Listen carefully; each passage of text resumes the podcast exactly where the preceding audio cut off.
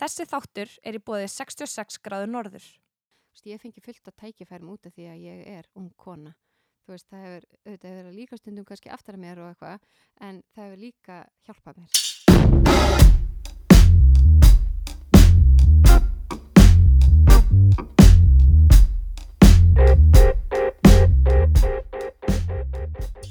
Verið velkomin í þáttinn þegar ég verð stór. Ég heiti Valur Magnúsdóttir og með mér er Vaka Njálsdóttir. Til okkar komin aðstór dagskrástjóri Rúf og fjölmjölukonan Ragnhildur Steinun Jónsdóttir. Verðið velkomin til okkar. Sælar til hafingi með þáttin ykkar. Takk fyrir. og takk æðislega fyrir að koma. Takk fyrir að fá mig. Hvernig hefur það í dag? Ég hefði bara rosalega gott, já. Fyrir utan svona bylinn og kuldan sem maður er að taka yfir hérna Allt í einu koman bara. allt í einu koman. Í lók november, það var komin tími til. Það kom tími til. Nú er það bara smákökur og kertaljós. Nákvæmlega. Við ætlum að byrja þáttinn á nokkru hraðaspurningum. Bara til að koma mann í gýrin. Mhm. Þannig að ég byrði um að tæma hugan. Já, verður í stöður. Já, þú verður að vera tilbúin. einmitt.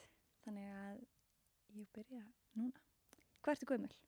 Ég er 38 Hvar ólstu upp? í Keflavík. Hvað fegst þér um morgumatt? Súrmjólk með seriósi. Helsta fyrirmynd? Úf, erfi spurning. Ah, þessi ekki bara viktis fimmboða. Hvað farið þér bræðarif? Ég fæ mér með þrist og jarðabæri. Hvað ertu að fara að gera í kvöld? Líki upp í sófaslag á. Uppáðast tónlistamæður? Og þeir eru mjög margir en ég held alltaf mjög mikið upp á Madonni þegar ég var ung. Hvaða lag peppaði í gang? Uh, ætla að sé ekki bara eitthvað með Bruno Mars. Frægasta manniska sem þú er hitt. Guð, þetta mig, ég veit það ekki. Ha, hvað er að vera frægur? Hvernig myndir lýsa þér í þrejum orðum? Mjög ákveðin, skipulagð og já, bara samanskusum. Hvað er draumastarfið? Ég er í því núna. Hvað hræðistu mest? Uh, Dauðan. Ef þú mætti vera einhver annar í einn dag, hver væri það? Þá verð ég engill. Þú varst ótrúlega góð í þessu Já. spurning. Nú, hvistlas. Greinilegt. Ég var samt þú ekki ert mjög en það var svona frekar bara lús. Það er mjög gott. Það kom alltaf skýr svör Ah, sem er gott, sko. Gott, gott. Heldur mikið upp á Bruno Mars? Er hann svona pepparinn? Æ, hann er svona pínu peppari og Já. krakkur mín finnst gaman að hlusta á hann og hérna, Það er þannig að góð stage performer. Já. komast í kýrin og þá er svona ágætt að setja hann á fónin, sko. Mhm, Mm. Ég er alveg saman. Hmm. Sko, við, hérna, þátturinn heitir Þegar ég verð stór Mhm. og byggir svolítið á þeirri spurningu. Þannig að svona þegar þú horfið tilbaka bara á fyrstu árin og bara fyrstu minningarnar, hvað var það sem þið langaði alltaf að verða þegar þú verið stór? Sko, sem betur fer að þá uh, eldist sá draumur að mér, ég ætla að vera sönguna. Ok. Já. Varstu mikið að æfa, æfa þig að syngja? Ég var, já, ég var svona í skólaleikritum og fannst Mhm. mm. gaman að syngja og var í hljómsveit sem hétt Karteflunar. Ok. Óttum fullt af fremsöndum lögum sem voru samt pínustólinn kannski. En hérna, já, þannig að þetta var svona draumurinn þegar ég var yngri. Og hann væntalega fyrir að þér þá frekar snemma? Já, eða- já, svo Mhm. fer ég svona kannski að átta mig á að ég er ekki alveg með þessa söngrödd sem að þarf kannski til þess að vera sönguna. Þannig að hérna sem betur fer, ég held að pappi hafa verið svona kurtis að, að hérna, minna mig aldrei á það, en, hérna, en ég er svolítið alveg upp við það að maður getur allt sem maður vill. Og hérna, þannig að ég hafði alltaf rosalega mikla trú á mér þegar ég var yngri og ég einhvern veginn svona, ég kann voða vel að meta það í uppeldinu sem ég fekk að, að hafa þessa miklu trú og hérna, mér fannst ekkert óyfirstíganlegt. Mm. Þannig að hérna, ég gæti alveg að horta á olimpíuleikana og séð eitthvað í stangastökki og hugsa með mér bara, herðu, djöld var ég góð í þessu. Og ég bara virkilega trúði því, sko. Mm. Það er aðeinslegt. Var þú elst upp í Keflavík? Já, Já.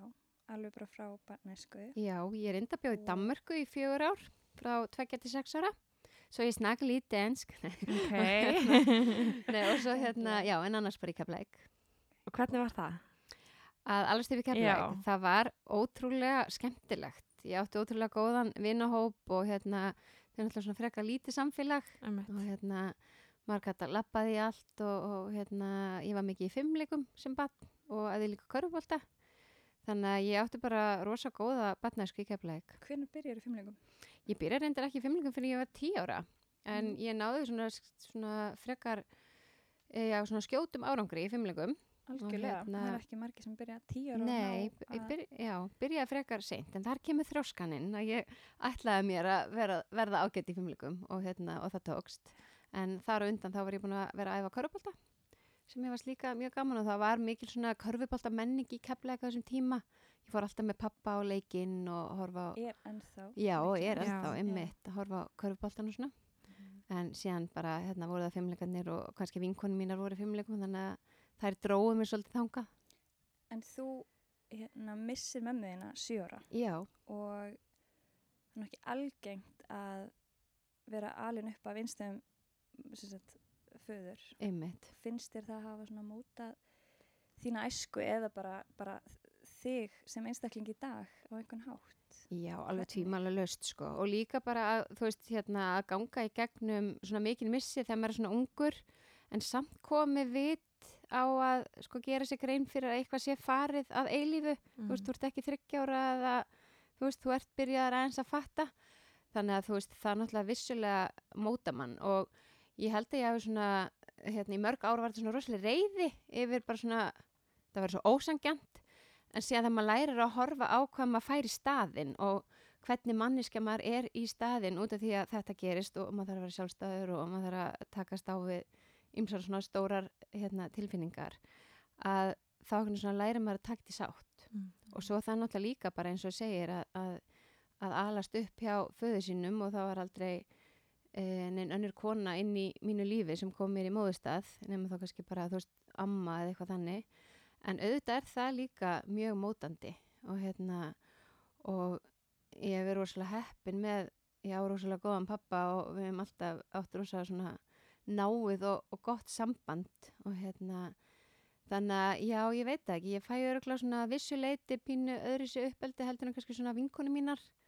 Ég, eins og ég hef sagði án, ég þú veist, er alveg uppið það að hafa rosalega mikla trúa mér og, og gefast ekki upp og hérna bara svona sína styrk og kjark og allt þetta sem er kannski svona pínu hjallíst í dag, svona ef maður skoða svona hjallastefninu og hvernig vera svona þjálfa stelpunar þar sko vera hérna þannig að hérna ég, já, ég held þetta hafi alveg tímalunist móta, móta mig. Fannstu snemma fyrir að vera mjög sjálfstæð? Já, ég fann það. Já. Ég hérna, í rauninni, þú veist, pappi var náttúrulega alveg mikið að vinna, þú veist, ennþá og ég var ung og svona og þannig að ég þurfti bara svolítið að bera ábyrð á mér og þú veist, kom mér í fimmleika og kom mér heim og þú veist, byrja heimalegdóminn og, Mm. og svona, þannig að hérna, Ertu ein? já, Einkabarn? ég er engabat Þú ert þar til sko fyrir 11 árum. Já, Þá eignast ég hálsistur, ok. þannig að hérna, já, já. E, já, hvert ferðu, í hvað mennskóla ferðu? Ég fór í hérna fjölbreytaskóla Suðurnesja sem er kepplæk og hérna tók síðan síðasta ári mitt utan skóla vegna þess að þá var ég byrjuð með eiginmannu mínum, Haukinga á Gunnarsinni og hann var sem sagt að e, fekk samning í Leifupól, atvinnumannsamning og var sem sagt komin út í atvinnumennsku. Þannig að ég tók sem sagt síðasta ári mitt í svona fjarnám til þess að geta verið í Leifupól. Ok. og Bjóð fyrir ofan bílasafnið og var alveg komið ógeða bílanum. En hvernig hérna, akkur veluru fjölbreytaskóla síðan þessi? í rauninni e, það bara ég held að þessum tíma ég hef bara alla gert mig grein fyrir að væri aðri möguleikar í bóði er bara einu skólin e, fjölbyttaskóla á síðinu sem og hérna á þessum tíma var það svolítið þannig að bara allir mínu jafnaldar og þeir sem voru kannski aðeins eldri fóru bara í fjölbyttaskólan og hérna þannig að ég hugsaði aldrei til Reykjavíkur á þessum tíma ég var bara kefvikingur í húða hár og ætlaði bara að vera það Mm. Varst alltaf svona samvinsku sem er nefandi og, eða varstu meir í félagslífi eða hvernig svona úlingur, hvernig voru úlingsárin? Sko, fyndi ég var mynd að tala við vinkonunum mína áðan, við vorum að heimsækja hérna grunnskóla og tala um samfélagsmiðla og þá fórum við að tala um hvernig við vorum sem úlingar og ég var algjör drauma úlingur sko. Hérna, ég vona bennum mín verður svona. En hérna, ég var bæði mjög virk félagslega og var mikið í bara svona hérna, leiklistafélaginu og, og allt þetta. Var náttúrulega mikið í íþróttum líka eh, og hann var samt líka mjög duglega að læra. Þannig að hérna ég hef alltaf verið mjög svona hreinskilin við mína fjölskyldu þannig að ég var í rosalega svona góðum tengslum alltaf við pappa þannig að ég held að ég hafi verið svona, svona uppskrift af heila fullkomnum ólingi Og, varstu eitthvað búin að huga þarna, veist, hvert þú ætlar að fara?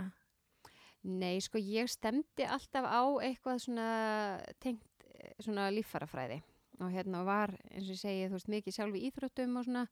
Og uh, pappi minn lendi líka síðan í alveg slisi bara þegar ég er mjög ung og varð sem sagt fljótlega öryrki. Þannig að hérna, þannig að það var veist, ég var mjög svona upplýst um heilsuna og, og var búin að fara í gegnum mikið með honum í tengslu við það þannig að ég stemdi alltaf á þú veist, eitthvað þannig nám og fór síðan í, sem sagt, hérna eh, intökupróf fyrir hérna sjúkraþjálfaran og kláraði sem sagt, ég er mentaði sjúkraþjálfari Mm. frá Háskóli Íslands, þannig að Mm. það var svona það er einmitt svona sem kemur mest óvart þegar maður svona skoða söguna en Já. alveg bara, já það er engin eitthvað svona fjölmiðlafræði eða þannig, það er bara sjúkraþjálfari. Já. það er, ég, það já, ég eiginlega svona- slýsast inn í fjölmiðla og það er Já. hérna, það er alveg merkilegt að segja frá því eins og ég segi, ég var alltaf í íþróttum, var mikið í dansi og hérna, og hún Jasmín Olsson, hérna, danshöfundur, hún kemur til Keflækur og er með eitthvað svona dansnámskeið sem ég fer á. Og hún segir bara við mig, heyrðu, ég verð bara að fá þig í síningu hjá mér, þú hérna, þarfst að dansa með mér. Ertu þá í fimmleikum? Í, já, Eða þá er ég svona að hætta í fimmleikunum eiginlega, já, ég er svona eiginlega alveg að vera búið með fimmleikaferilin og hérna þannig að ég fer að dansa með Jasmín og það einhvern veginn bara vindur upp á sig áður en ég veit að er ég bara komin einhvern veginn í fullt af sýningum og alls konar og, og næst kom einhvern veginn inn einhver leikrit, var þarna í Kalla á þakinu og Feim og eitthvað sliðis og ljósamæður sem var að vinna í sýningunni Feim sem var í Smáralind að hann segir við mig, herðu það er hérna einhverja pröfur upp í rúf fyrir einhvern úl úlingaþátt, ég held að þú ættir að fara. Og þessum tíma að þá bara valla horfið ég á sjónvarp, ég var ekkert að fylgjast með neinu bara sjónvarps tengdu ég neginn bara eins og segi, bara ákvað þú veist, Og það er þannig ópið. já, það er ópið ég fer bara í pröfu fyrir ópið Þannig að það í rauninni, þú veist, þú ert í rauninni byrja að koma aðeins fram á í sviðsljósið á undan já, í þessi leikrið já, beint eftir. Og það, þú ert að búin með sjúkraþjálfarni, er þetta meðan þú ert? nei þarna í er ég náminu. bara í námi og í Mhm. rauninni klára ég sem sagt ég er komin í kastljósið þegar ég klára námi mitt og hérna þannig að í rauninni síðasta árið var ég í fullri vinni í kastljósinu og í háskólum, ég mæla ekki með því en hérna sem var reynda pínu fyndið vegna þess að, að þessum tíma er líka fara að dett inn hjá mér að, að vera með söngvakeppnina og svona og ég var í verknam á landsbítalunum og ég mætti alltaf mótnan alveg ótrúlega þreytt búin að vera annarkort í kastljósinu eða í söngvakeppni og þá sögðu svo oft sjúklingarnir mig, veistu það er svo merkilegt, þú ert svo lík þessari hérna stelpu í kastljósinu, þið gætu verið sýstur og ég sagði aldrei neitt, ég var alltaf bara, já er það, já takk fyrir.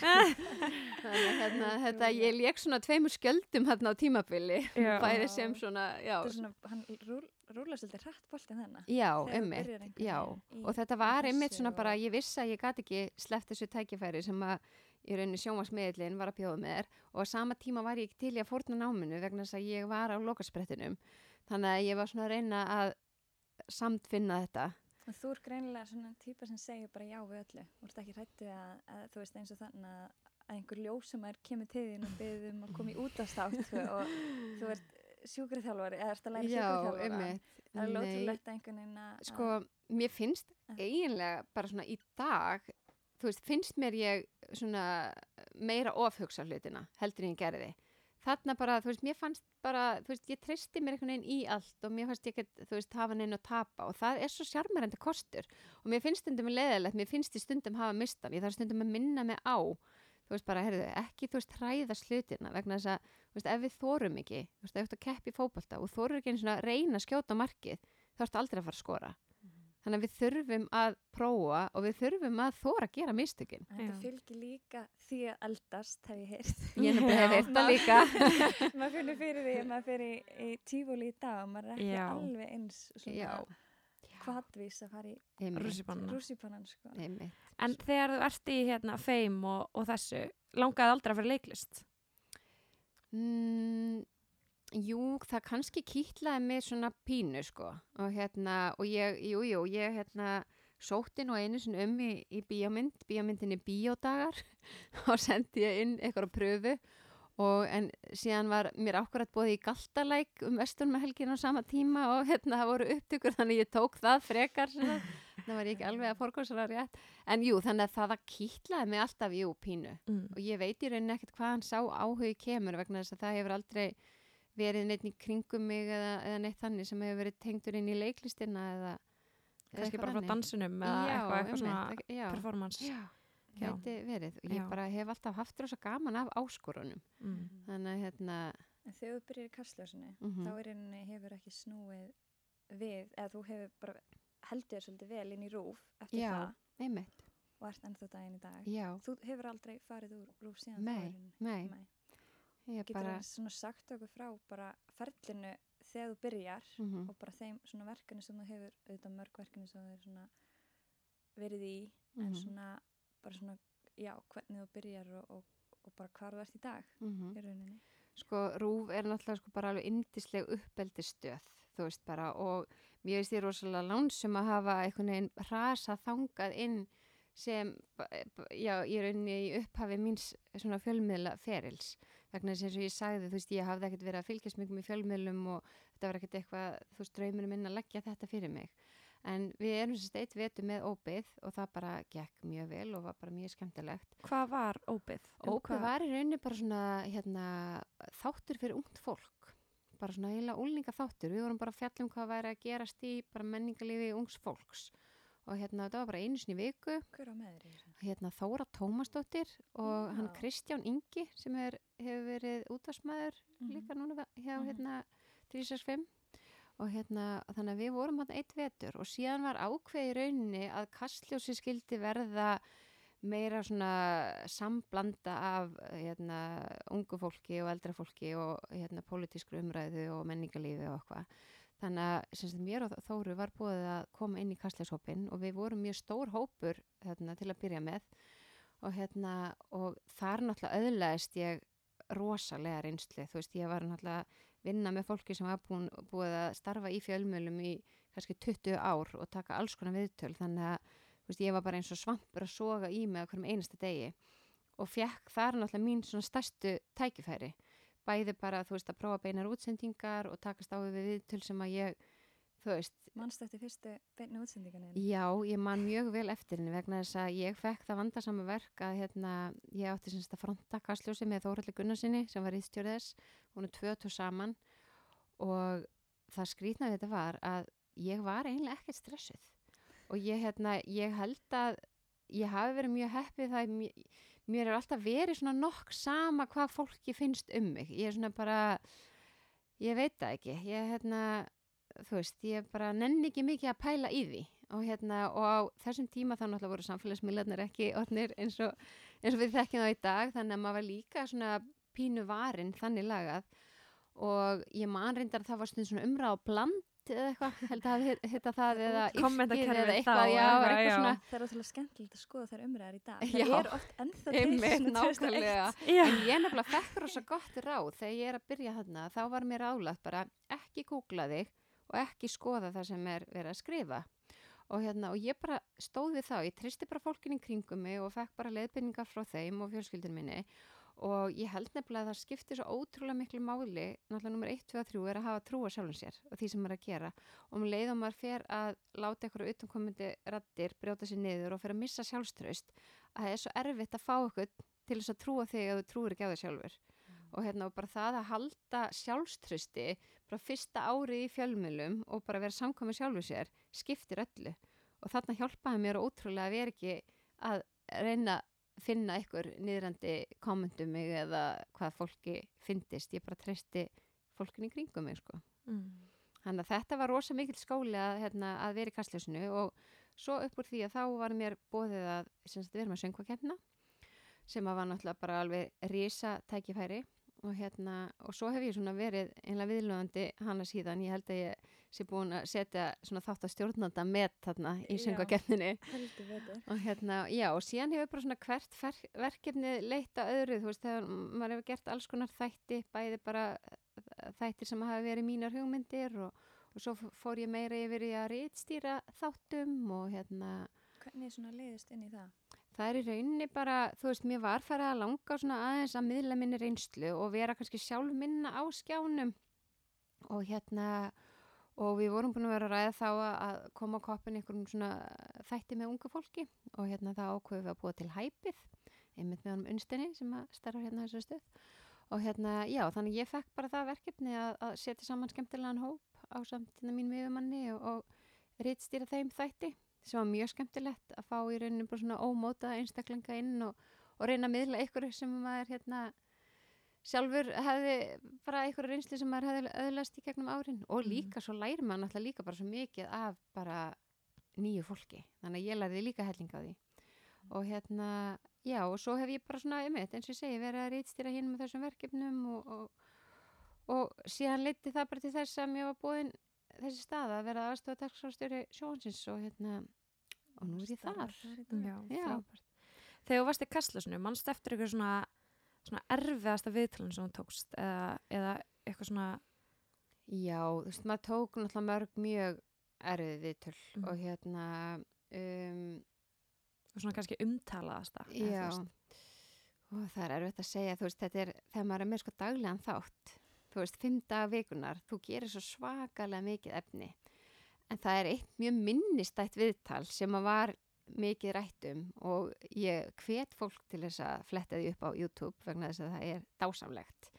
Og það var viðtal sem ég tók við eh, Íslenska Star Trek félagið. Og hérna já, ég bara hvet Hvað ekki til þess að skoða á- það. áhugavert þetta var bara svo ótrúlega gaman að skiknast inn í einhvern heim sem maður vissi ekki að væri til og sem væri bara svona langt frá manni sjálfum og já, það var bara mjög skemmtilegt Mm. Ég er að fara beint heima. Já, beint Skoða heima. YouTube. að skoða það sko, já En hvernig, nú ertu sem sagt aðstæðadagsfjörstjóra Rúf, mm hvernig myndir svona lýsa þínum vinnudegi? Já, það er búið að vera rosalega mikið að gera en ég er hérna, svona síðustu ár hef ég verið hérna mjög meðvitu um það að passa mig að hérna að halda vinnu og, og bara mínu persónulega lífi í jafnvægi. Og ég er, þú veist, vil ekki tala fyrir einhverju svona ímynd ofurkonunar eða að það sé, þú veist, eitthvað cool eða frábært að hafa mikið að gera. Þannig að ég hef svona bara mitt markmið sem ég tók við nýju starfi er bara að reyna að jafna út bara svona vinna á álag og sína gott fordæmi sjálf í vinnu, vinna ekki á mikið og, og, og allt þetta. En, hérna, en auðvitað er það alltaf þegar maður tekur við nýju starfi auðvitað fyrsta árið er, er svolítið yfirþyrmandi vegna þess að þú veist bara að koma þér inn í fullt af hlutum og öðlast traust og, og allt þetta. Þannig að þú veist vinnudagurinn hjá mér núna er að ég er hérna sé svolítið mikið um í rauninni bara svona að fylgja þáttum eftir sem eru kannski framleiðslu uh, hjá okkur og skoða utan að komandi efni sem við er verið að bjóða okkur að kaupa.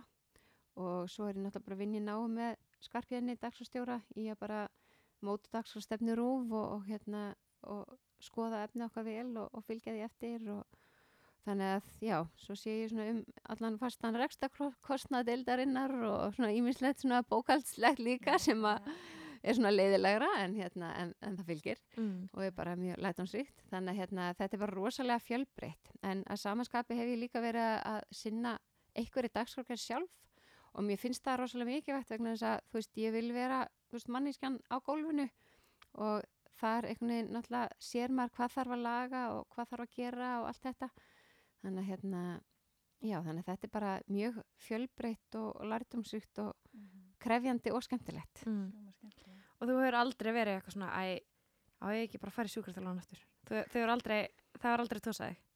Nei, sko, það hefur ekki tósið í mig en ég hef oft hugsað hvort ég að fara í, veist, eitthvað viðskiptatengt eða eitthvað svona markasfræði tengt, sko.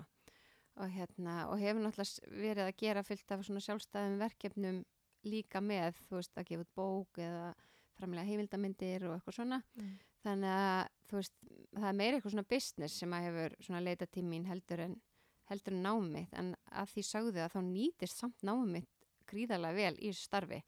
Okay, Þú veist, það er í rauninni bara, þú veist, náttúrulega í, þú fær náttúrulega svakalega góðan bóklangrunn, bæði bara í líffarafræðinni og, og, þú veist, öllu þessu. Og svo er það náttúrulega líka bara það að læra, þú veist, þú ert með í rauninni skjólstæðing og þú þarft að eiga þetta samtal við hann og reyna að komast að því, þú veist, hvert, hvað er að sjá hann og hvert er vandamálið. Og þá er það náttúrulega bara þetta að tala við fólk og nálgast fólk.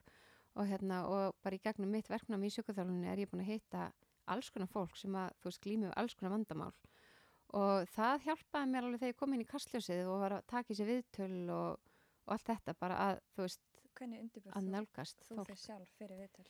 Sko, ég í rauninni byrja eiginlega alltaf að ski- skrifa fyrst niður bara spurningar áður en að ég skoða neitt um fólk. Vegna þess að þú veist, ef ég veit ekki, þá er alltaf ykkur úti sem að veita heldur ekki. Og hérna, og svo í rauninni byrja ég bara að grúska og lesa og, og byggja viðtali upp og reyna áttu mig á því hvað mér langar að fá út úr því og hafa eitthvað svona byggingu í því, eitthvað grind. Og hérna, og svo er það náttúrulega bara nummer 1, 2 og 3 og þegar maður er komin í viðtali að þá er bara nummer aðal málið að hlusta. Sama hversu vel úr mann undirbúa því að þú verður að hlusta og, og það verður að vera svona flæði í samtali millir þíns og, og viðmælandans þannig að hérna og svo held ég þetta sé bara eitthvað sem æfist og kannski gerist pínu svona sjálfkrafa líka núna. Algjörlega. En þegar þú hefur verið að hoppa svona í nýverkefni, þú svona greinilega tekur að þér alls konar, hefur, hefur þið einhvern tíman liðið eða fengið spurninguna af hverju ég?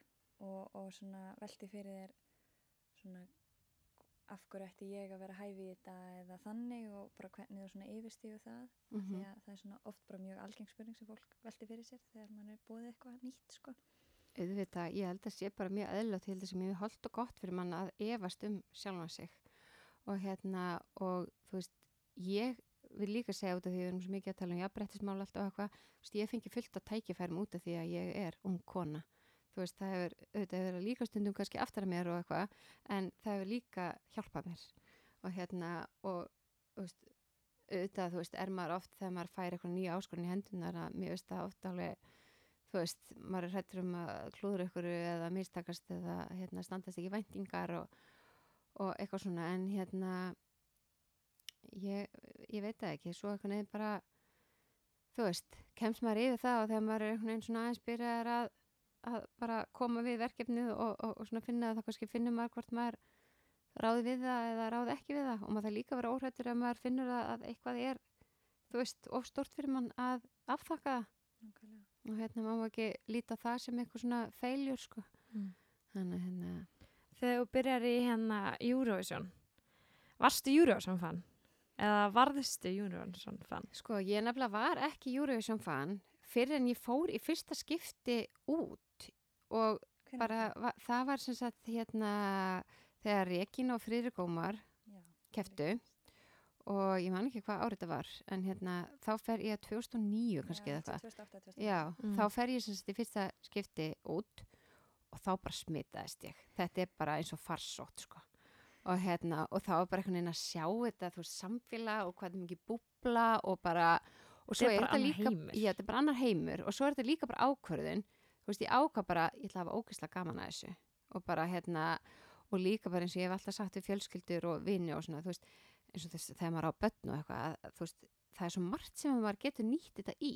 Þú veist eins og bara fræða börnin sín um bara, þú veist, önnur lönd og menningu og tungumál og fánana og allt þetta, þú veist, sama hversu, þú veist, vel þú fílar eitthvað lög og eitthvað, að þá getur alltaf fundið eitthvað í þessu til þess að gera þetta hérna skemmtilegt og ég er eiginlega bara svona, ég elska allt sem að svona saminar fólk og fjölskyldur, að, að það sé eitthvað svona tilefni til þess að setja saman niður, horfa á eitthvað og ræða eitthvað, mér finnst það bara frábært vegna þess að bara eins og samfélagið er í dag að þá erum við öll að það út um allt þannig að ég bara, ég fagna öllum svona viðbyrðum. Mm. Núna hérna varst að gefa út þáttinn sítengt Já. sem var mjög skemmtlegur. Takk. Hvernig, þú veist, kviknaði þessu hugmynd? Varstu mikið búin að spá í þessu og samfélag okkar í dag er bara samfélagsmiðlar og allt í rauninu veltir á því, þú veist, hvernig kom þessi hugmynd upp og Sko í rauninni, hérna var þetta skemmtilegt vegna þess að Viktoria Hermannsdóttir sem að gera þættina með mér, að hún sem sagt var búin að vera að pæla í þessu og við þekktumst ekki neitt. Og ég var líka búin að vera þessu og hún talaði við Skarpið Endagsastjóra og hann bara, heyrðu, Ragnhildur er eitthvað búin að vera þessu líka og tengd okkur saman. Og þannig að við bara fórum alveg á flug og við vorum svolítið sjálfar að rýna í okkar notkun. Og mér eiginlega svona blöskraði hvað ég notaði þetta mikið. Þú veist, ég var kannski ekkit mikið sjálf að pósta inn, en ég var bara svo mikið í símanum og skoða síman og miklu meira enn ég held þannig að þú veist, mér fannst bara svo margir fletir á þessum sem þurfti að skoða þannig að við rauninni tókum okkur ógæslega góðan tíma í bara svona heimildavinnuna og við erum búin að vinna þess að þætti alveg í rúmt ár. Og hérna, og þetta er bara ótrúlega skemmtilegt ferli og það er líka margt búið að koma okkur á óvart. Og við erum báðar alveg búin að setja okkur svona alls konar hérna, reglur varðandi okkar notkun og, og hérna, komum með forrið í síman sem bara slekkur á netinu eftir þú veist, einn og hálfan tíma og alveg bara þú veist, allt þetta. Þannig að hérna, já, þetta er einlega bara, var svolítið svona hugmynd eins og margar aðrar sem að þú veist, einhvern veginn svona kannski pínu koma til manns og svo er maður svona hálf einlega byrjaður á þeim á þess að vita af því Mm. Hvað komið mest óvart?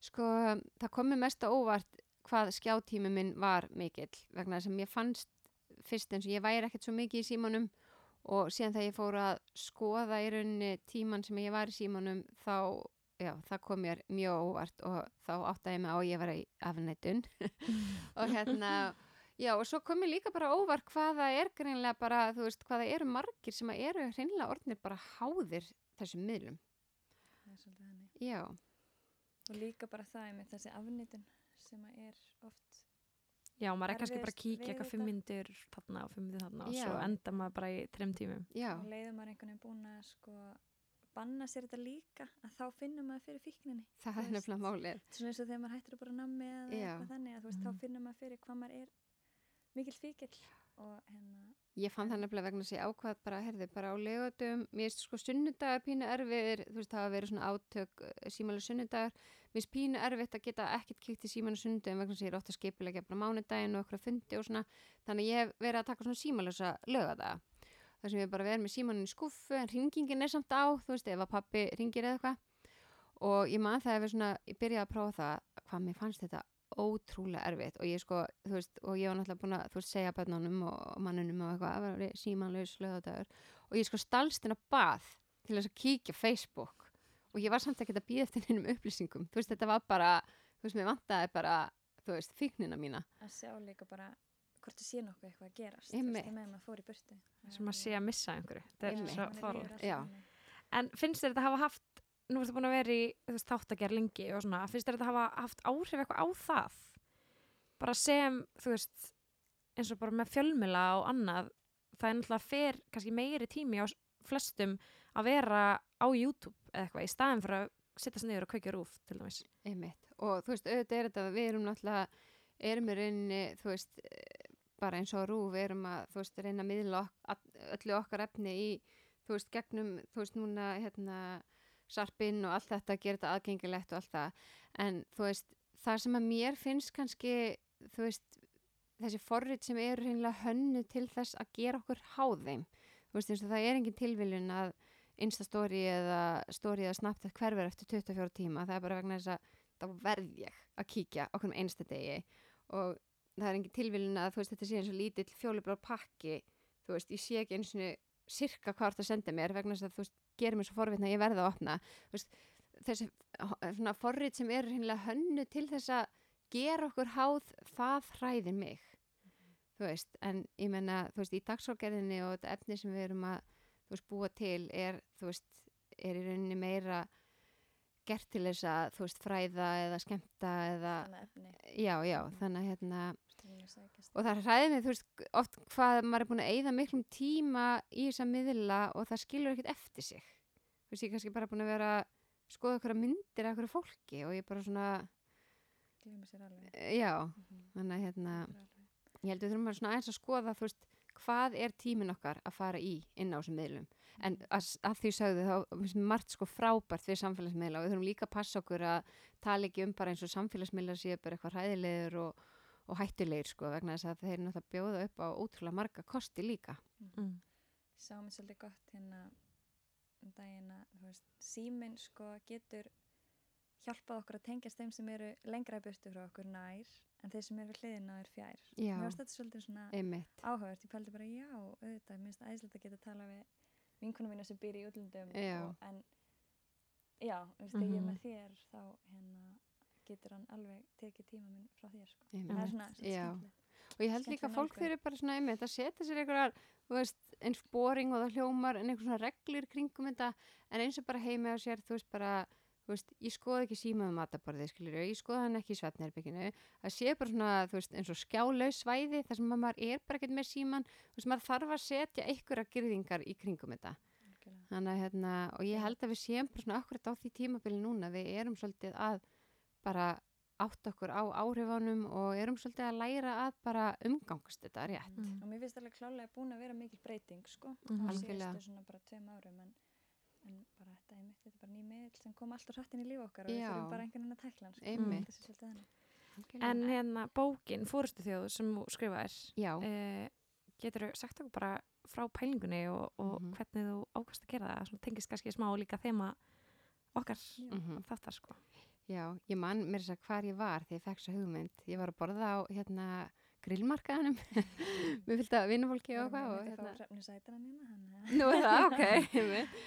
hérna, já, og hérna, og uh, það voru einhverju svona, hérna, voru einhverju kallar að ræða jafnbrettsmál og eitthvað og hérna, og, og ég byrja alltaf að hugsa bara, vá, veist að, hérna, okkur vantar svo þeirra rættir inn í þetta, þú veist, okkur eru við konurnar alltaf einhvern veginn að berjast fyrir þessu og, og við einhvern veginn hleypum þeim ekki inn og hérna, og Edda Hermannsdóttir, vinkona mín, hún sem sagt e, starfa í Íslandsbanka og Íslandsbanki hefur verið mjög svona fram, hérna, framalega í jafnbrettsmálum.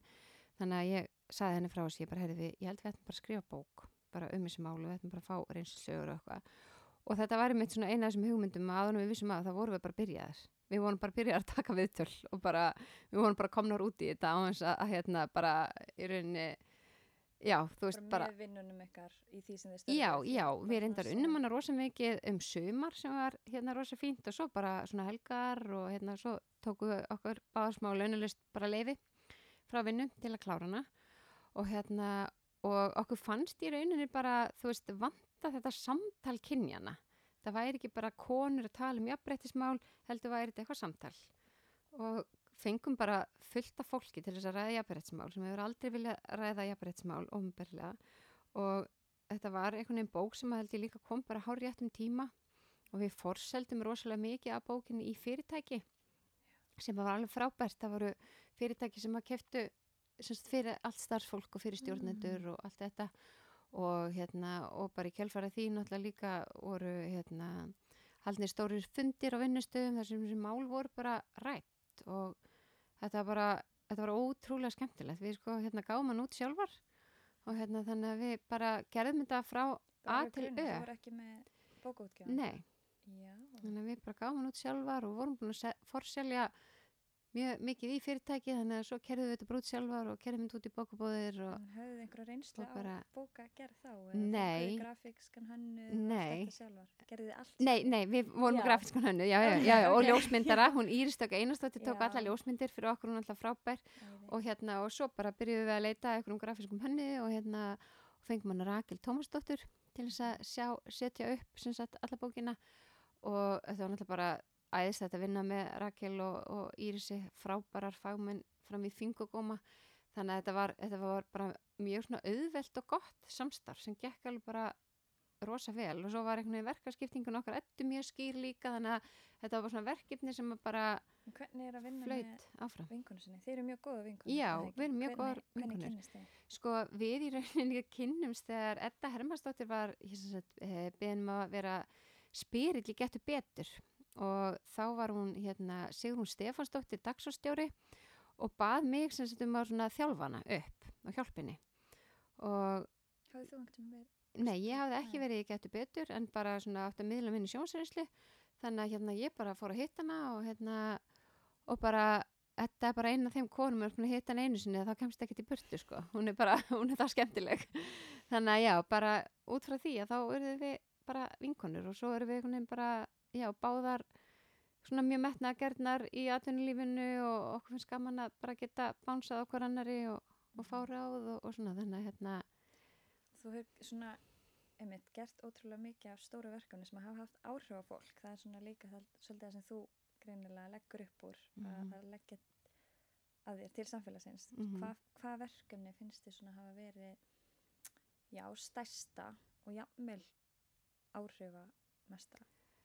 Sko, ég hérna framleiti heimildamind um hérna kynlirétningaferlið og hérna það var, fannst mér á þessum tíma þá var svo umræða ekkert mjög svona opinská.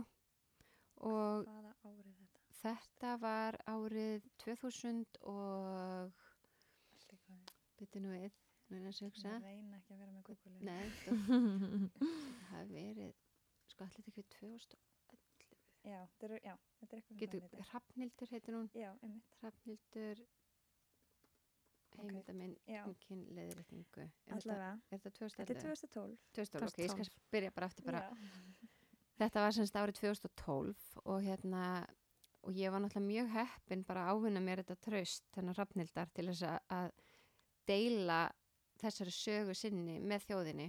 Hún sem sagt ég fylgin eftir frá því að hún er Halldór Hrafn þangur til hún verður Hrafnildur og bæði bara, þú veist, nafnabreitingunni og hún fer í, kynleiðréttinguna og, og allt þetta og hérna og þetta ég reyndar var alveg fimm ár að vinna þessa mynd. Það var mjög langt ferli og hérna, hvenær ferði þessu hugmynd og, og, og sko ég fæ Af þessa hugmynd nefnilega fyrst einlega í, sko þetta er einlega hugmynd sem búin að vera með mjög lengi vegna þess að þegar ég var að, í fimmleikum í Keflæk þá var ég líka svolítið að þjálfa fimmleika og þar var einn ytkandi sem hétt Valur og hérna og kallar sig Vala Grand í dag.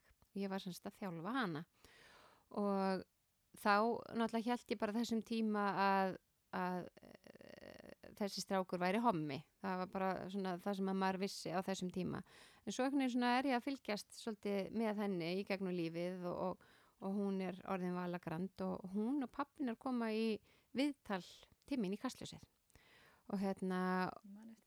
Já, Já, það var einmitt mjög áhugavert sko.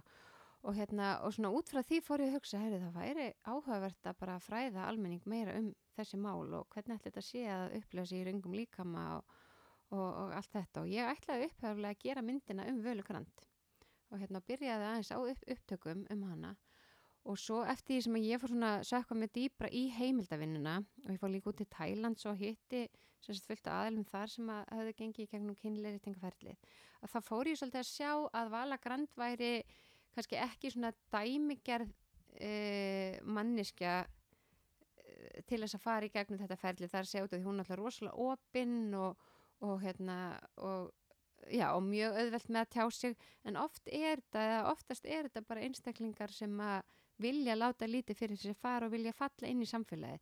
Þannig að mér fannst að þessum tímapunkti það verður kannski ekki, ekki myndi ekki gefa raunsæða mynd af því sem ég var að reyna að miðla að hún myndi fronta verkefnið og, og þá kynnist ég semst hrafnildi og hérna sem að ég þurfti náttúrulega alveg að sannfara í, í þó nokkuð tíma að vilja deila reynslu sinni og auðvitað þegar þú ert kannski í þeim sporum eins og, eins og hún var og hún vildi bara falla inn í samfélagið og ekkit að fólk var meðvita um hennar baksögu að hún hefði fæðst sem haldurrafn og, og allt þetta.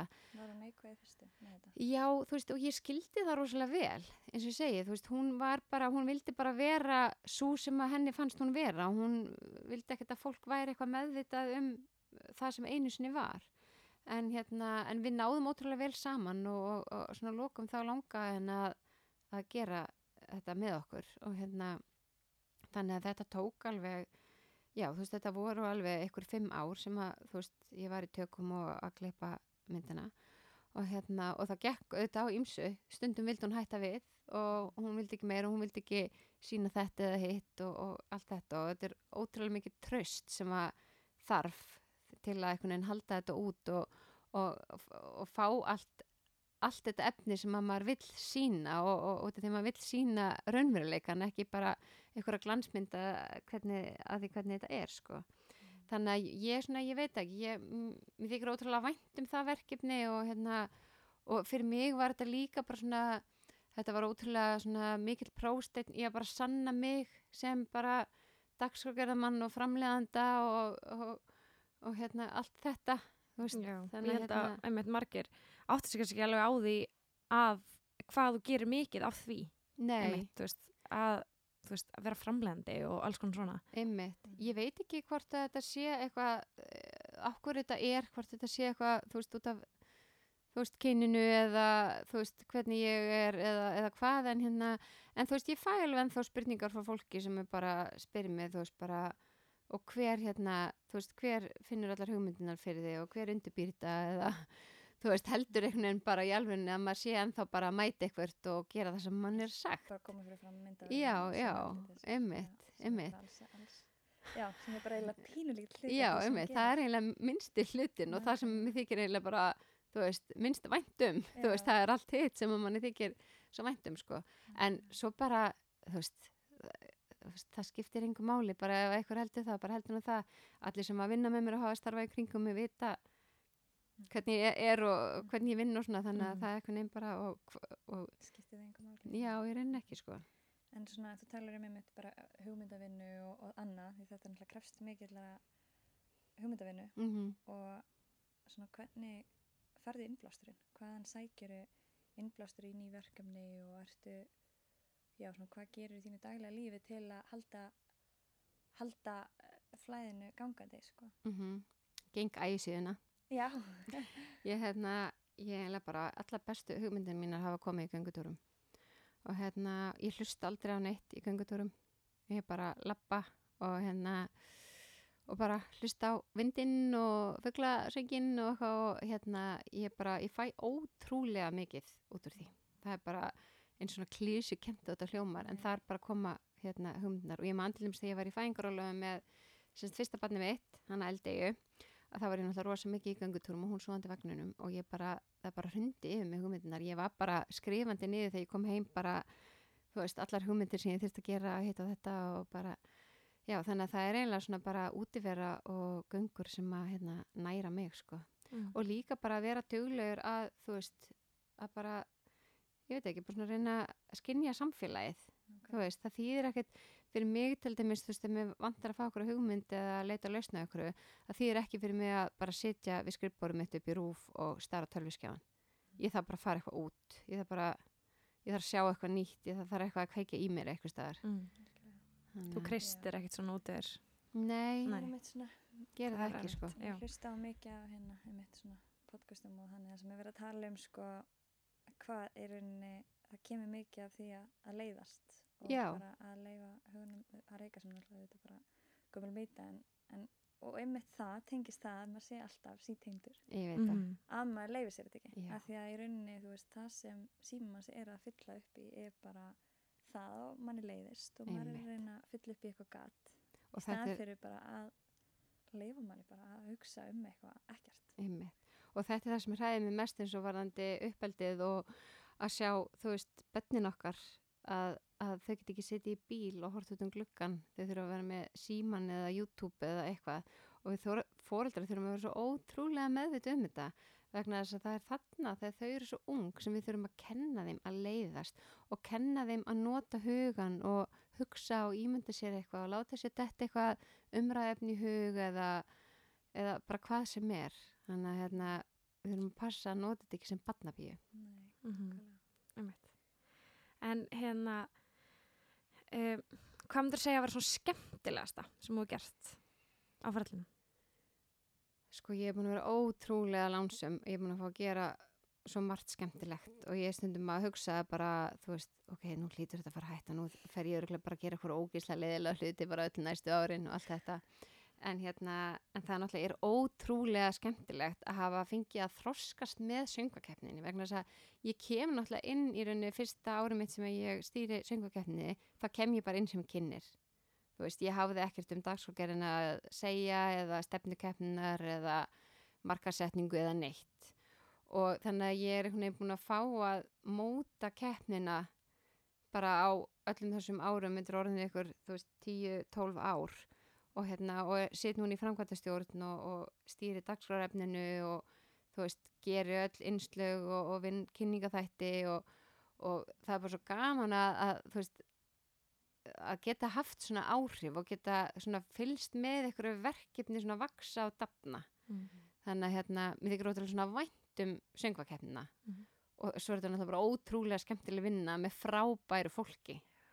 Þannig að hérna, það er svona eitt af því sem að svona áalveg svona stóran stað í mér Einmitt.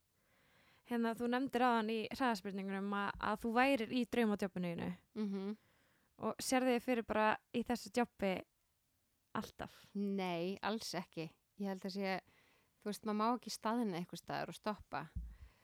Ég veit ekki, ég er á svona smá tímamótum núna, sko, ég veit ekki Mm. alveg hvað, ég, þú veist, ég mynd alveg hugsaða bara, ok, hvað næst? Hvað ætlum ég að gera Mm. næst? En hérna, þannig að ég veit ekki alveg, ég get alveg trúa að verði, þú veist, eitthvað, eitthvað allt annað, sko. Þannig að, en, já, það er Það- svolítið svona leiðir að spurningunni hvað þú ætlar að verða þegar þú ert hann stór, veit maður það einhvern tíma? Ég ætla allan að vera betri manneskja. Mm. Er það ekki allan að gott að stefna því? Það er allan eitthvað. Algjörlega. Það er mjög gott. Hmm. Mjög góð bara loka orð. Ég held það. Er það eitthvað sem að þú vilt segja að lokum eða eitthvað sem kannski vilt segja til þeirra sem eru að svona hafa áhuga á, á því sem þú ert að gera í dag eða, eða sín eigin verkefna vinnu og eigin fjölmiðla, já, vilja svona komast inn í fjölmiðla bransan. Hvað, hvað er mikilvægt að hafa með sér? Sko, ég held sé vinnusemi. Ég unni með ótrúlega mikið á unga fólki og því miður finnst mér stundu vanta þessi vinnusemi. Þess að fólk haldi bara að þetta svona dett upp í hendunum manni og þú veist, með allt sem ég hef gert, þú veist, þetta hefur verið ótrúlega mikil vinna á bakvið þetta.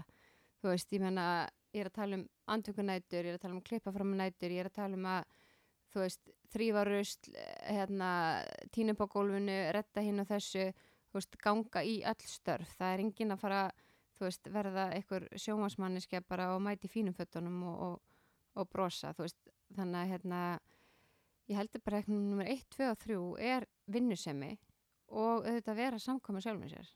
Reyni ekki að vera einhver annar en maður er. Einmitt. Mm. Frábært. Takk æðislega fyrir að koma til okkar. Takk fyrir mig.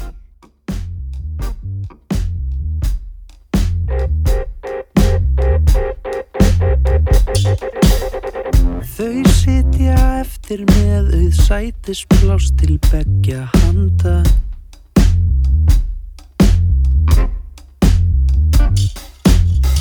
Dreipandi sitt á hvað á drikkjunum sem eftir standa. Alveg sjálfsagt ekki að minnast á. Láttu vaða Leistu skjóðu frá. Ég segi engum Svo krifjast hjartans mál Og einhvers andadýr er panda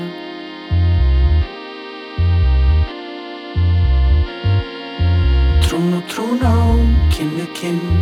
Þú og ég og einhver vinnu þinn. Trún og treyna, trún og viðhalda Nóttin naumast orðin viðaldra Trún og trún á, við kinn. Þú og ég og einhver vinnu þinn. Trún og treyna, trún og viðhalda Nóttin naumast orðin viðaldra Og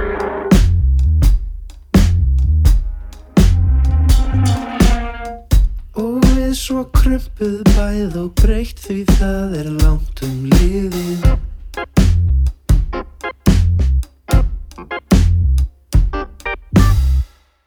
Og hundruð hunda ára hafa okkar daga drifið.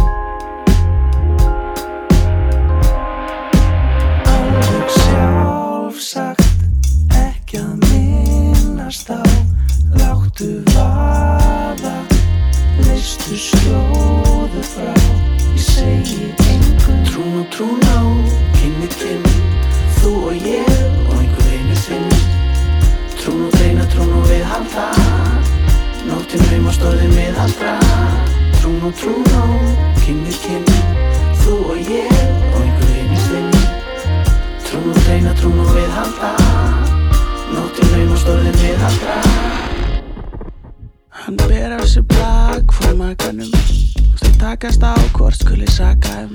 Þau takast á hvort skuli saka um. Þakkið sem rakar í rakanum.